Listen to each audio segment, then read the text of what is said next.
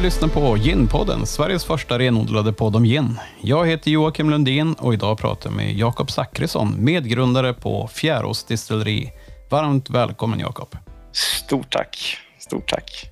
Jättekul att vara här, och, eller vara här. och få vara en del av det här och kunna berätta om just oss. Då. Vi hänger med varandra i, tillsammans i cyberspace, det räknas, eller hur? Precis, det gör det faktiskt. Det gör det. Nya, nya du, regler till följd av eh, omständigheterna, eller vad man ska kalla dem. Men det, det tycker jag absolut att ni gör. Det är cyberspace hangout.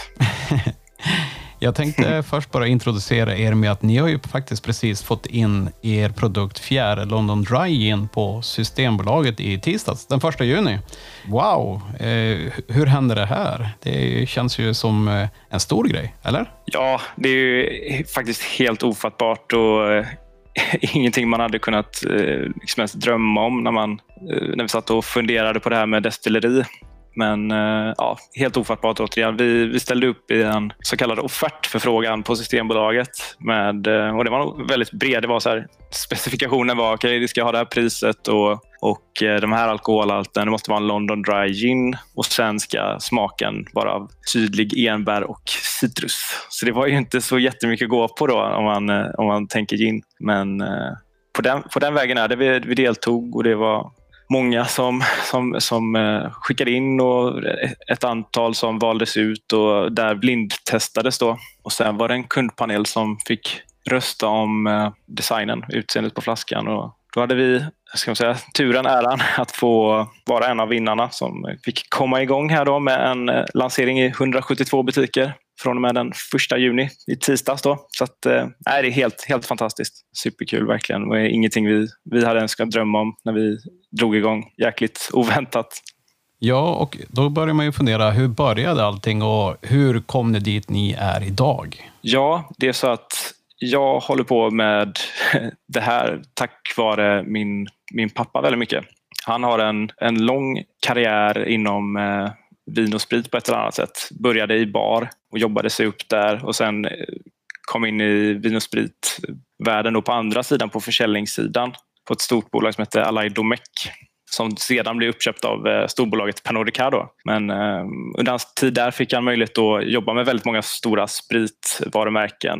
Däribland eh, Beefeater och Stewarts och, och allt sånt. Eller Burn Stewart heter de tror jag. Eh, och lite andra sådana. Och på den vägen så, så var det, han kom in i en egen importverksamhet då och sen var med och drog igång Duvenkroks glögg. Mm. Och det var väl någonstans i den vevan jag blev introducerad första gången till eh, den här världen och fick vara med och dofta och, och försöka hitta nyanser. Då. Inte smaka så mycket för jag var ganska ung då men eh, jag satt med mig i köket och tog fram nya, nya smaker på, på glögg och olika blandningar från allt från choklad till chili till eh, hjortron. På den här vägen har det liksom successivt utvecklats till att man vill göra någonting själv och, och hitta på någonting Eh, vilket fick mig att vilja hålla på med Urban Peers då på sikt till slut och ledde oss till de här tankarna om, eh, om destilleriet. Att tillägga kan ju vara att vi, vi hade väldigt mycket äppelträd hemma också. Så vi gjorde, började med lite cider och sådana där experiment hemma redan i, i unga år. Då. Och sen var det lite så här, där kan man ju destillera. Och, och, och där fram växte egentligen destilleriet. Det var inte tänkt att vi skulle vara ett ska man säga, gin-destilleri utan pappa hade väl mycket drömmar om whisky och, och typ calvados-liknande äppeldestillat. Då. Mm. Men så dök den här möjligheten upp och då var det lite, ja, vi såg det såg lite som ett, ett lotteri och ens var med då, men det var ju eller inte lotteri, men att det var eh, långsökt. Då. På den vägen blev det helt enkelt att vi, vi hamnade här liten skala, destilleri, hantverk, stor passion till drycker från min pappas sida då, ursprungligen. Ja, jag har ju förstått det när jag har läst lite pressmeddelanden och så, att eh, jag, den här idén har väl grott hos ja, din pappa då, kanske framförallt i, länge, i årtionden. Liksom. Och eh, som jag har förstått det så ville han väl landa någonstans efter 30 år av tjänsteresor och ja, att ni tillsammans då börjar forma den här eh, drömmen till verklighet. Ja men precis och kunna ha någonting eget och kunna forma allting ifrån smak till utseende på flaska till design och, och mängd och, och ha den här kreativa möjligheterna då och kunna få, få utlopp för det och 100% egna eller fria tyglar och kunna göra vad vi vill. Det var väl det vi, vi, vi brann för då. Sen vad, vad det skulle ta vägen eller vad det tar vägen, det vet vi fortfarande inte. Men eh, det är väl den ska man säga, drömmen som har tagit oss hit då till, till destilleri sen. Men ursprungligen var det ju faktiskt att vi ville starta ett musteri i lite närmare anslutning till, till vårt, eller mina föräldrars hus då. Ja. Där vi har de här äppleträden. Men det var inte så populärt hos kommunen för det var tydligen en närliggande bäck där det är lax eller någon form av öring har jag förstått, förstått det som, som tar sig upp där. Och jag vet inte om de lägger ägg eller någonting. Så det var, det var någon sån här miljöorsak då, att man inte hade man såg inte riktigt att det var en bra idé då, att bygga ett musteri i anslutning till det. Mm. Så då fick vi ju tänka om lite med, med det upplägget. Och, eh, alltså det var egentligen inte så här fast om det skulle vara. Destilleri kom ju lite senare på, eller det har väl funnits parallellt i, i, i planen då, men var och hur och när var, det var ju väldigt kanske löst då. Eh, fram tills dess att vi fick den här möjligheten att, att komma ner till Fjärås på den lilla tidigare bondgården vi, eh, vi nu huserar. Då. Ja, det är väl mitt i hjärtat av Halland, alldeles vid havet. Precis, precis. Om jag bara får, det jag vet om er är att ni körde igång 2019. Men eh, när köpte ni in pannor och sånt här och när var det ni fick tillgång till den här gamla före detta bondgården om man säger? Alltså tillgången till bondgården fick vi ju ganska så tidigt där 2019. Eh, sen var det ju väldigt mycket arbete som behövdes göras i form av att bygga lokalerna. Då. Det var ju liksom en, en, en öppen lada och, och jag vet att Emil och, och Roger då på Lydén har pratat om det också, att det är väldigt mycket vad ska säga, pappersarbeten och, eh, och tillstånd och vad ska man säga, eh, förhållanden man måste, eller regler man måste förhålla sig till i form av lokalerna, väggarna ska vara tät, alltså ska vara mer eller mindre omöjliga att ta sig in i. Då. Typ bepansrade dörrarna ska också ha någon sorts klassning och, och så, så det har varit mycket jobb med att bara bara bygga den här grunden för att ens kunna få in pannorna. Då. Det tog ju lite tid. Eh, och någonstans parallellt där slutet på 2019 så hade vi beställt eh, pannor då, från lite olika håll. Både Italien, Tyskland och, och delvis eh, lite delar från Kina. Då. För att testa lite eh, olika då eller? Nej, men alltså det är ganska långa leveranstider så att parallellt med att vi byggde så försökte vi få allting så att det skulle synka så bra som möjligt. Ja. Sen har det ju varit ett kontinuerligt arbete. Då. Så, så fort vi blev klart med själva grunddestilleriet då utökade vi med en, jag ska säga, lite fatlagring. Då. Och sen då ska jag hänga med dem med tillstånd och, och allting från ja, brandmyndigheter och så vidare. och Så vidare. Så att, eh, så att pannorna fick vi väl. De första pannorna var ju, det var ju mindre då. Jag tror vi hade två, en två liters, fem, ja det var en tio liter också och sen kom det en 90 och sen i den 500 som vi har nu. Då. Så att vi har haft lite, lite olika, men det har ju kommit löpande under förra året. Så det var i början på förra året vi hade allt på plats då. Och lagom, då till, eh, lagom stressade fram till att få fram de här offertproverna då till Systembolaget. Var vi då. Så det var, det var några intensiva destillationsmånader där för att få fram de här smakerna. Då. Eller jobba fram vårt recept för London Dryen. Så att jag skulle säga början på förra året var, hade vi det mesta på plats. Sen är det ju, har varit en så kontinuerlig utveckling bara där som har på något sätt gått löpande med eh, vår produktion och nya släpp och sådär. Hur var det att starta mitt i en pandemi då kan man säga? Eh, jag vet ju efter många av dina kollegor i branschen som jag intervjuat att eh, det har dykt upp många nya varumärken och många fantastiska mm. hantverksdestillerier, hantverksdestillerier och mm. jag vet ju också att det har ju varit lite utmanande med att köra igång mitt i en pandemi när det har varit de förhållningsregler som det ändå har varit. Ja, alltså det har ju varit lite eh, utmaningar kan man ju säga. Eller kan man ju lugnt säga. Ehm, det började väl för oss kanske vara mer då på inköpssidan med eh, alltså logistik, Kina stod helt still bland annat och, och, och även på andra håll då fick ju det massa följder på så att alla leveranstider och sånt var ja. ju bara att justera fram antalet veckor då, eh, rätt många gånger. Sen också på vad ska man säga, försäljning, närhet till kundsidan. Alltså att, eh, nu är det inte så att vi till en början där hade tänkt på att få öppna upp för eh, alltså provningsverksamhet och, och, och lite besök och sådär utan det är ju någonting som vi har planer på först nu då, eller som vi har mer eller mindre på, på plats. Men det har ju varit utmaningar med, med restaurang. Alltså restauranger är ju en väldigt kul miljö att finnas i och kunna och jobba mot dessutom. För det är ju, de är ju lite, lite utbildare, eller vad ska jag säga. De, de hittar ju många nya sätt att jobba med just ens egna produkter som man inte kanske själv hade kommit på. Och att den branschen bara helt, det bara dog lite grann förra året då, var ju väldigt tråkigt framförallt. Och jag är väldigt glad att det nu börjar ljusna lite och, och komma igång faktiskt. Men eh, det var, var ju en utmaning då. Och det vet jag också många har, har drabbats av. Då. Eh, inte minst krogarna själva då, men även destillerier som har fått flaskor skickade tillbaka och så vidare. och så vidare. Nej, det har inte varit en, det har inte varit en rolig period kan man inte säga på, på, på den fronten för, för väldigt många. Sen eh, i och med att vi hade den här listningen då att se fram emot så har vi ju har det kanske varit en, en, lite lugnare då än, ändå för oss. Att vi har tagit vår tid och försökt blicka framåt. Då. Men eh, nej, det, finns, det finns ju många, på många håll man har velat kunna göra mycket mer då, men eh, där inte omständigheterna har tillåtit fullt ut. Ja, man får väl säga ändå att ni hade väl ganska Ja, det är givetvis skicklighet involverat i det, men eh, för, eh, sett till vilken situation det blev i, i samhället och världen så hade ni ju ganska mycket flyt med tanke på att efter fem månader egentligen som fjärrostestilleri så kan man ju hem den här storordern ja. av Systembolaget. Mm. Och eh, den... Eh, ja, det är ju... Ja, men det, det, är ju, om man kan säga, det är gynnsamma förhållanden i, i situationen så att säga. Absolut, så att vi, vi har ingenting att, vi skulle inte, vi har ingenting att klaga på om man säger så. Sen vet man ju, det är inga, det är inga garantier heller med att, att få sådana här listningar att det tycks om av alla så det vet vi inte riktigt, riktigt än heller. Men det är ju som sagt det är en jäkla möjlighet och det är ju absolut inte någonting vi hade, hade räknat med eller ens trodde var, var möjligt. Liksom. Det var ju världens chock att få det, det resultatet. Jag och pappa, eller vi hade, skulle ha en familjemiddag. Eh, mamma eh, fyllde år och eh, vi får det samtalet då på typ fredag eftermiddag någon gång eller innan middagen.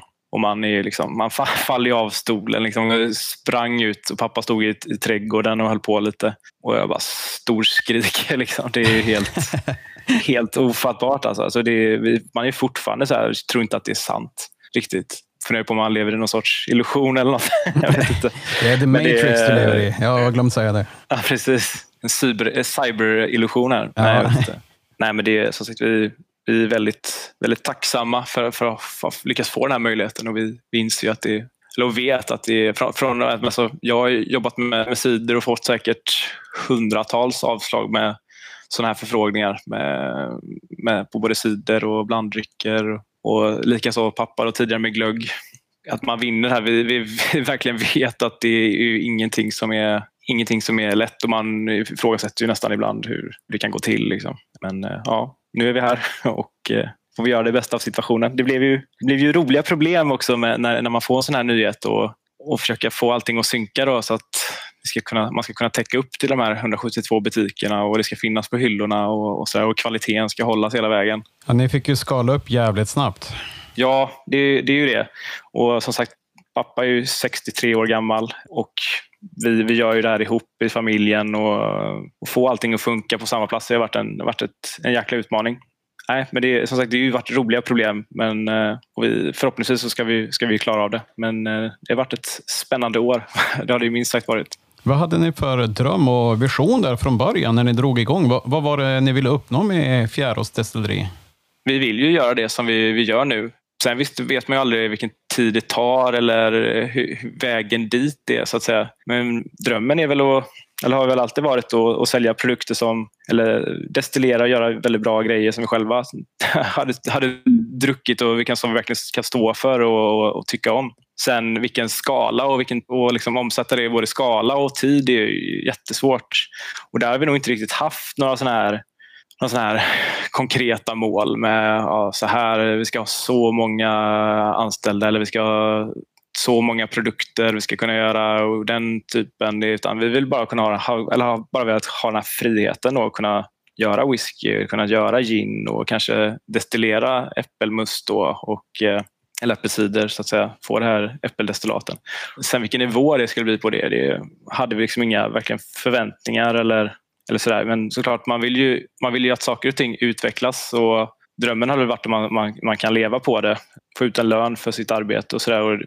Men därefter har vi liksom inte haft några mer ska man säga, långsiktiga stora visioner eller sådär. Utan det har ju bara varit de här tillfälligheterna då, som har fått oss i att behöva jobba i en viss riktning. Då.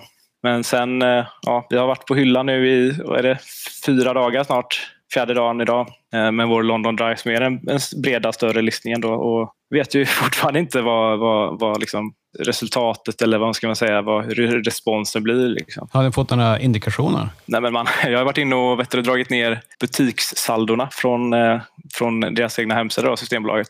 Så det känns ju som att det har gått ut lite grann men också jättesvårt för den, den, statistiken brukar, eller vad som har sålts till kunder, det, det, får man ju oftast kanske en eller två veckor i efterhand tror jag. Och man vet ju inte vad som är inleveranser eller om det är returer eller vad som kan ha skett. Liksom. Men du är lite nervös. Det känns ju som att det... Nej, lite nervös är jag faktiskt. Men eh, det känns ju som att, äh, det känns ju som att den äh, rullar ut lite grann och sen får man ju se vad, vad det tar vägen. Det kanske är att det blir att många, många köper i början och så mattas det av eller så blir det kontinuerligt ökande eller att det blir stabilt hela tiden. Och det känns ju som en gynnsam säsong att, eh, att lansera i precis i juni här nära till midsommar och, och sånt där. Men eh, återigen, se vad det, vad det tar vägen. Och jag har bunkrat upp eh, med lite material ifall det, ifall det skulle bli en, en bra eller väldigt bra respons. Då. Men eh, återigen, vi håller oss ödmjuka och öppna för alla, alla möjligheter och utfall. Så att säga. Ja, det tycker jag låter väldigt vettigt och väldigt fint att, att höra. Jag tänker också med din bakgrund, du pratade lite grann tidigare om Urban Peers eh, tonic-tillverkning. Kan du berätta lite grann om mm. den och hur kopplingen till eh, gin, hur, hur kom den? Liksom? Ja, tidigare eller innan slash samtidigt som jag höll på att få igång Urban Peers då, så jobbade jag på en eh, vin och spritleverantör som heter Fine Brands. Eh, de hade lite produkter, framförallt inom gin. De hade ju Gin Mare, eh, Malfy ja, till en början och sen har de Capriol och lite annat sånt där. Hade de också den här 1724 Tonic som jag fattade väldigt mycket tycke för mm. under min period när jag jobbade med, med dem. Då. Fantastiskt bra tonic. Och jag kände väl lite att jag hade parallellt sökt mig till det här med, med, med cider och hade Urban Peers. För drömmen var ju att göra någonting eget själv då. Eh, lite likt Duvenkrogs. Eh, och eh, och det samarbetet med, för Duvenkrogs var med Herrljunga cider och den, den relationen hade vi ju, vi ju kvar och, och, och nära då. Så då tänkte jag att pröva mina vingar lite grann och testa hur det skulle kunna vara att göra cider med, med hjälp av dem då, till en början. Och det var inte helt lätt. Men, eh, så det blev det att man fick jobba mycket mer på hos den här leverantören Finebrands då, som har med deras premiumsegment mot både, mot både lite krog och restaurang i, i trakt, Göteborgstrakten eh, och även lite Systembolaget. Då. Men när 1724 kom och jag, märkte, jag kände verkligen av det här med, med den här pull eller trenden så gick pull-effekten från, eller med just att intresset till nya tonics och nya ginsorter. Att det, det var inte bara eh, vad ska man säga, det var inte bara de eh, tokintresserade som, var, som började fatta tycke för olika ginsorter utan det, det spred sig och blev större och större som man har sett. Jag menar,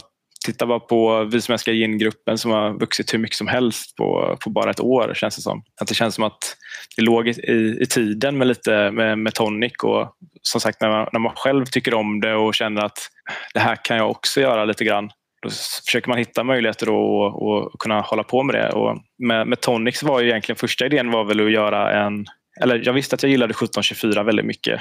Jag hade hört talas om eh, då såklart och, ja. och, lite annat. Men då, när jag kikade till början fanns det kanske inte så jättemycket. Eller jag var väldigt ny på det i alla fall. Eh, mer än vad jag, vad jag visste med dem jag hade provat. Men det var ju den här hela trenden med, eh, här, med rosa gin började komma igång med Malfi som hade sin gin rosa där. Och jag kände att men vad fan, det hade varit jävligt coolt med en rosa tonic också. Och, och hur kan man göra det då med, med de här lite friskare grapefrukt och, och ros? Då? Så då började jag och min kusin fila lite på ett, på ett recept. Eller han hade rättare sagt gjort en, en saft eller en sommar, sommarlemonad på det var det citron och, eh, och rosenblad då, som jag plockat själva och gjort av en, en form av sockerlag på. Då. Utifrån det så försökte jag göra det då till en tonic och så blev det en smak och sen blev det fan, lavendel är ganska gott också. Eller tycker jag doftar väldigt fint. Det funkar bra med, med citron eller lite som en lemonad. Jag French tonic då, som nu är en French mixer. Och sen hade, måste man ju ha en standard då, eller den börjar ju faktiskt med standarden som var själva grundreceptet. En klassisk. Och då hittar man ett recept för det. Så på den vägen var det och man, man, man märkte ganska snabbt att för att komma ut och, och agera det här segmentet så behövde man ha en liten bredd med kanske en trio eller någonting till att börja med. Och det passar ju bra, fast man, man tycker det är kul att göra nya smaker och utveckla. Ja, men jag gillar produktdesignen väldigt mycket. Den är ju väldigt clean och med kapsylerna i de olika färgerna som matchar produkterna väldigt bra.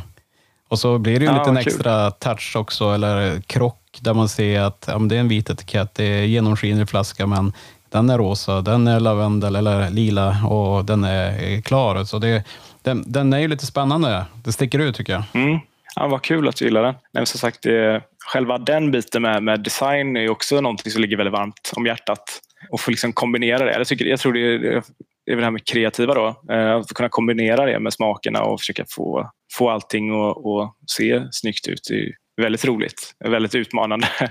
och, och man, med, man, man är inte fever tree, man har inte en miljonbudget och försöka göra det med egna medel har varit en väldigt rolig utmaning. Ehm, allting alltifrån standardkapsyler till etiketter som inte får kosta speciellt mycket och, så där, och innehåll som inte heller då, för att ens kunna få en plats på hyllan och inte kosta 40 kronor per tonic. Så det har varit, eh, varit en väldigt rolig, rolig, rolig resa och, och, och få jobba på det här sättet. Och det är lite samma tänk vi har haft då med, med, vår, med fjärde, då, att få hitta, hitta bra sätt så att det blir snyggt och, och så där, men ändå fungerar med de priserna man har tänkt att ja. finnas i. så att säga. Och när vi, du pratade lite grann om smaker här och jag tänkte vi skulle gå in på era produkter, för ni har ju en produktportfölj med tre produkter faktiskt. Och eh, jag tänker att vi tar den här tidsmaskinen tillbaka till Rare Distilled Gin. Skulle du kunna mm. walk, it, walk us through it? Berätta yes. lite grann om den och vad som ingår och vad är det för smakupplevelse? Och hur jobbar du med smakerna, ja. eller hur jobbade ni med smakerna för att komma fram till den? Ja, det är ju också en väldigt bra fråga. Vi hade ju den här London Dry Gin-förfrågan. Det var egentligen med det receptet vi började. För det var ju det som var det första med Systembolaget. Så vi tog ju fram vår uppföljare men släppte den innan. London Dry. Det låter lite grann som Star Wars tycker jag. Ja, lite så. Vi har haft en så lite omvänd logik vad det gäller ordningen där. Eh, men det, man får göra vad man kan och det var så vi fick lösa det helt enkelt. Ja. Men vi hade ju vårt eh, grundrecept på, på London Dry och vi jobbade lite med, kanske ursprungligen med, med lite svenska referenser och så tänkte vi att vi ville hitta någonting nytt och, eh, och eget. Då. Det fick ju bli det här lite och anis twisten då. nu har vi ingen anis i men många säger att den upplevda anis-smaken, doften finns där.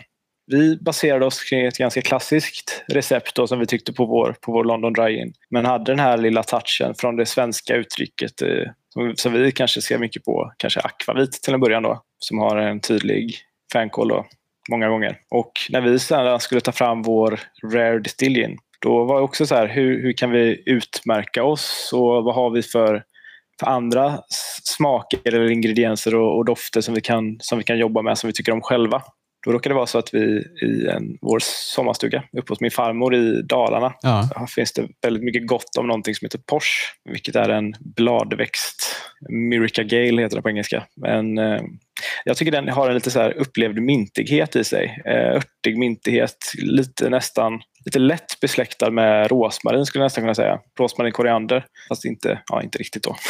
Men eh, lite eukalyptusaktigt. Och den tyckte vi blev väldigt fin när man destillerade den och den eh, knöt sig väldigt bra med citrusen tyckte vi. Och eh, en, en, en höjd eh, fänkål på det då visste inte vi att det fanns någon annan, eh, eller det kanske fanns en, två stycken ginsorter i världen som hade Porsche i sig då. Så för oss var det väldigt rare, väldigt sällsynt eh, blandning då. Så, då, mm. så det fick bli det namnet och Rare Distilled Gin. Och Distilled Gin vet ju säkert också då att det är ju en destillerad gin men du får alltså eftersätta smak med ett annat destillat. Eller det blir ju som en arom, men det, du har destillerat någonting en gång och så tar du en droppe av det och tillsätter då i ditt destillat. Det här gjorde inte vi.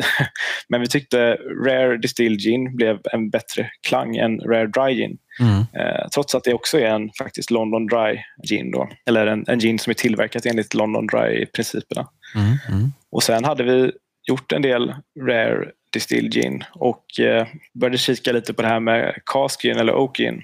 Ja, det är lite grann som eh, den där drömmen som din pappa också hade om eh, whisky en gång i tiden, kan jag tänka mig vägde in, eller?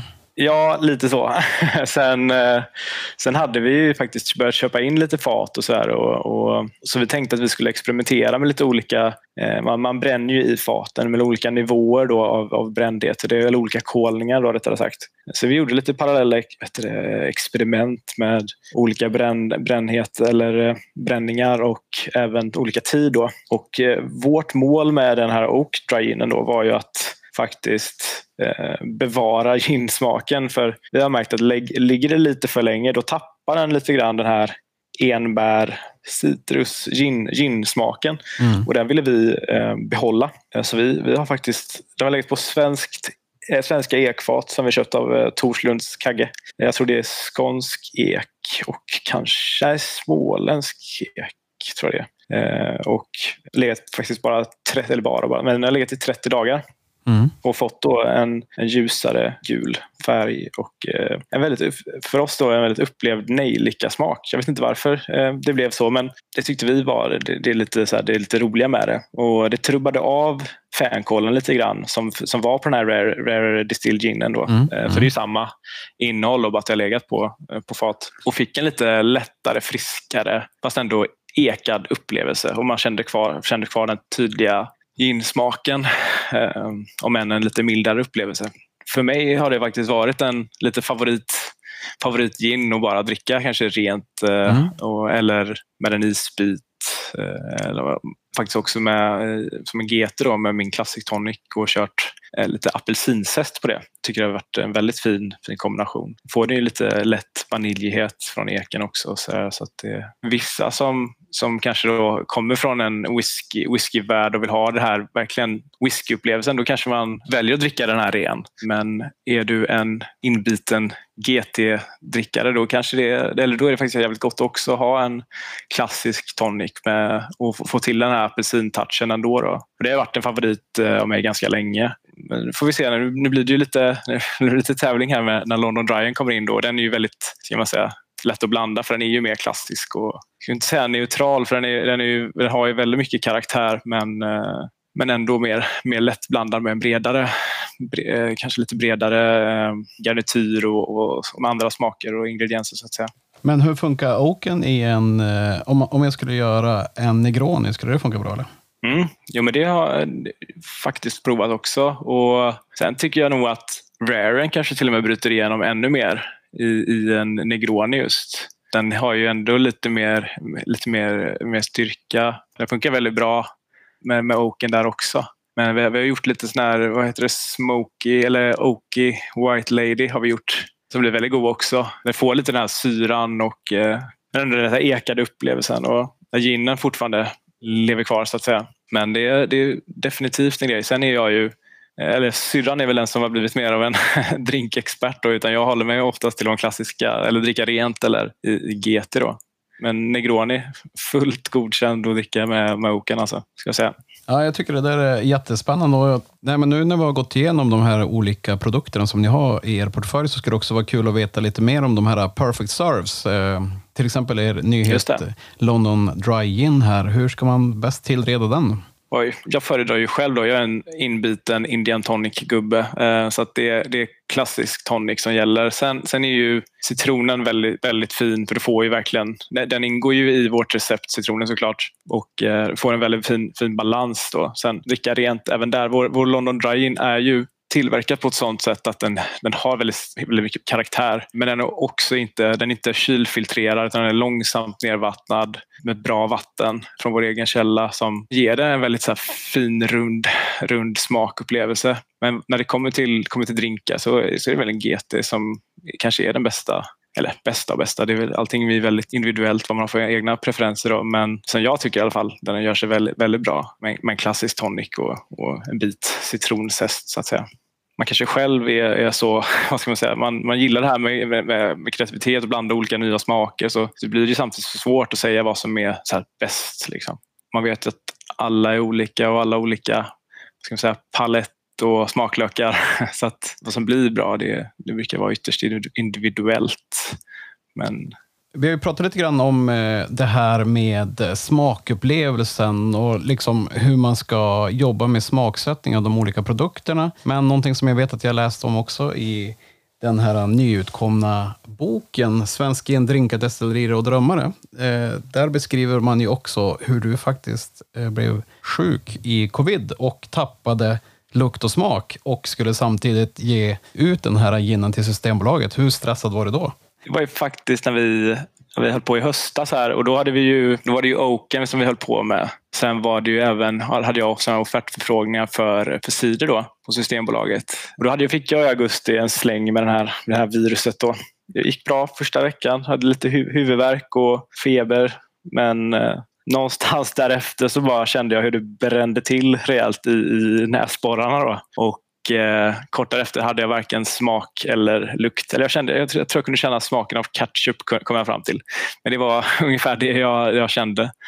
Eh, citrustoner försvann helt.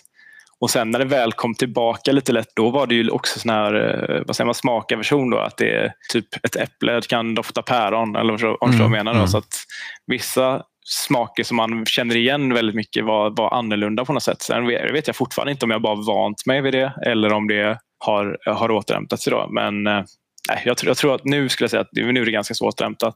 Men i den vevan, det var, det var ju en liten eh, lätt stressad period där då. Man hade sina, sina deadlines på, vi hade både gin och, eh, som skulle lanseras och, eh, och, och även eh, en persikasider som jag skickade in då i samma veva på sån här offertförfrågan jag kände balansen mellan sött, surt eh, och, sådär, och salt. Då. Men utöver det så hade jag noll koll på om det var persika jag doftade på eller om det var, en apelsin, eller, om det var apelsin eller eh, ananas eller vad som helst. Så där fick jag faktiskt använda mig av pappa. Då. Vi, som tur är så har vi, ju, vi har jobbat väldigt tätt ihop så jag kunde ju sitta då och med ord försöka förklara då vad, vad han skulle uppleva då, utöver ba balansen med, med det här mellan surt och sött. Då som det, som det gäller då med, med kolsyra och sådär. Eller kolsyrade drycker. Så man fick ju sitta med sin egna... Jag fick, jag fick sitta med en del andra referenser och så fick jag försöka minnas hur de upplevdes och eh, säga, peka upp eller ner då eh, vad det gäller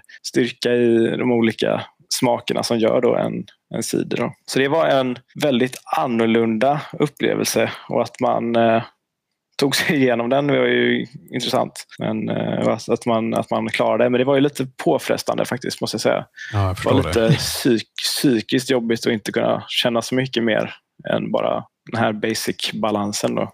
Jag förstår det, och jag är väldigt glad att du klarar undan så pass lindrigt ändå. Ja, precis. Det, är, det är ju ett litet problem, eller vad man säger så. Det är, när man vet vad, hur, hur snett det har gått för väldigt många eh, med det där, med det här viruset. Så att, eh, nej, man får vara glad att det bara var sådana lite halv, halvytliga, kortsiktiga grejer då, som inte är några bestående men.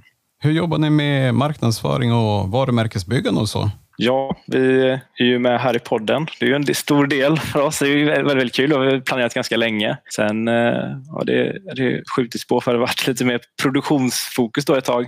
Men sen så är ju faktiskt eh, min syster Linn eh, den som är vad ska man säga, ansvarig eller har hand om det här eh, med i sociala medier och fotande och, och stories och sådär. Så där jobbar vi väldigt mycket med, med, kanske med sociala medier och lite gingrupper på Vi som älskar gin till exempel. Eh, och att man, man syns där och berättar lite vad som händer och, och vad vi håller på med. Vilket vi har fått, det känns som att vi har fått väldigt positiv eh, respons och support på, på, på väldigt många olika kanaler. Då. Men, eh, det, det, har varit mycket, mycket, mycket sociala medier ska jag säga. För där, där kan man ju på ett väldigt smidigt sätt visa upp då vad som faktiskt försiggår bakom kulisserna och vad det är som, eller hur vi tillverkar vår gin och hur vi, hur vi arbetar och hur det ser ut hos oss och sådär. För i kanske en vanlig, en, va, en vanlig eh, världs vad ska man säga, världsomständigheter, vad ska säga, världsmiljö, så hade man ju kunnat kanske bjuda in då till till eh, att folk skulle kunna komma på besök och kanske ha lite provningar och sånt där. Men i och med att det har varit det, det läget vad det är så har man ju fått hitta andra vägar. Så att, äh, vi har haft lite Zoom-provningar med, med lite journalister och, och allmänt intresserade. Så att vi, alltså, vi har väl jobbat på. Men sen som du säger, eller som du har pratat om innan, det är inte helt lätt att marknadsföra sig när det är sprit och det finns många regler man måste, man måste förhålla sig till såklart. Och, eh, för att så att man inte riskerar då att man eh, uppmanar till konsumtion så att säga, vilket vi försöker vara noggranna med. Då. Vi, vi gör ju hantverksgin och det ska ju njutas av, inte ha ett annat ska man säga, mörkt syfte då till.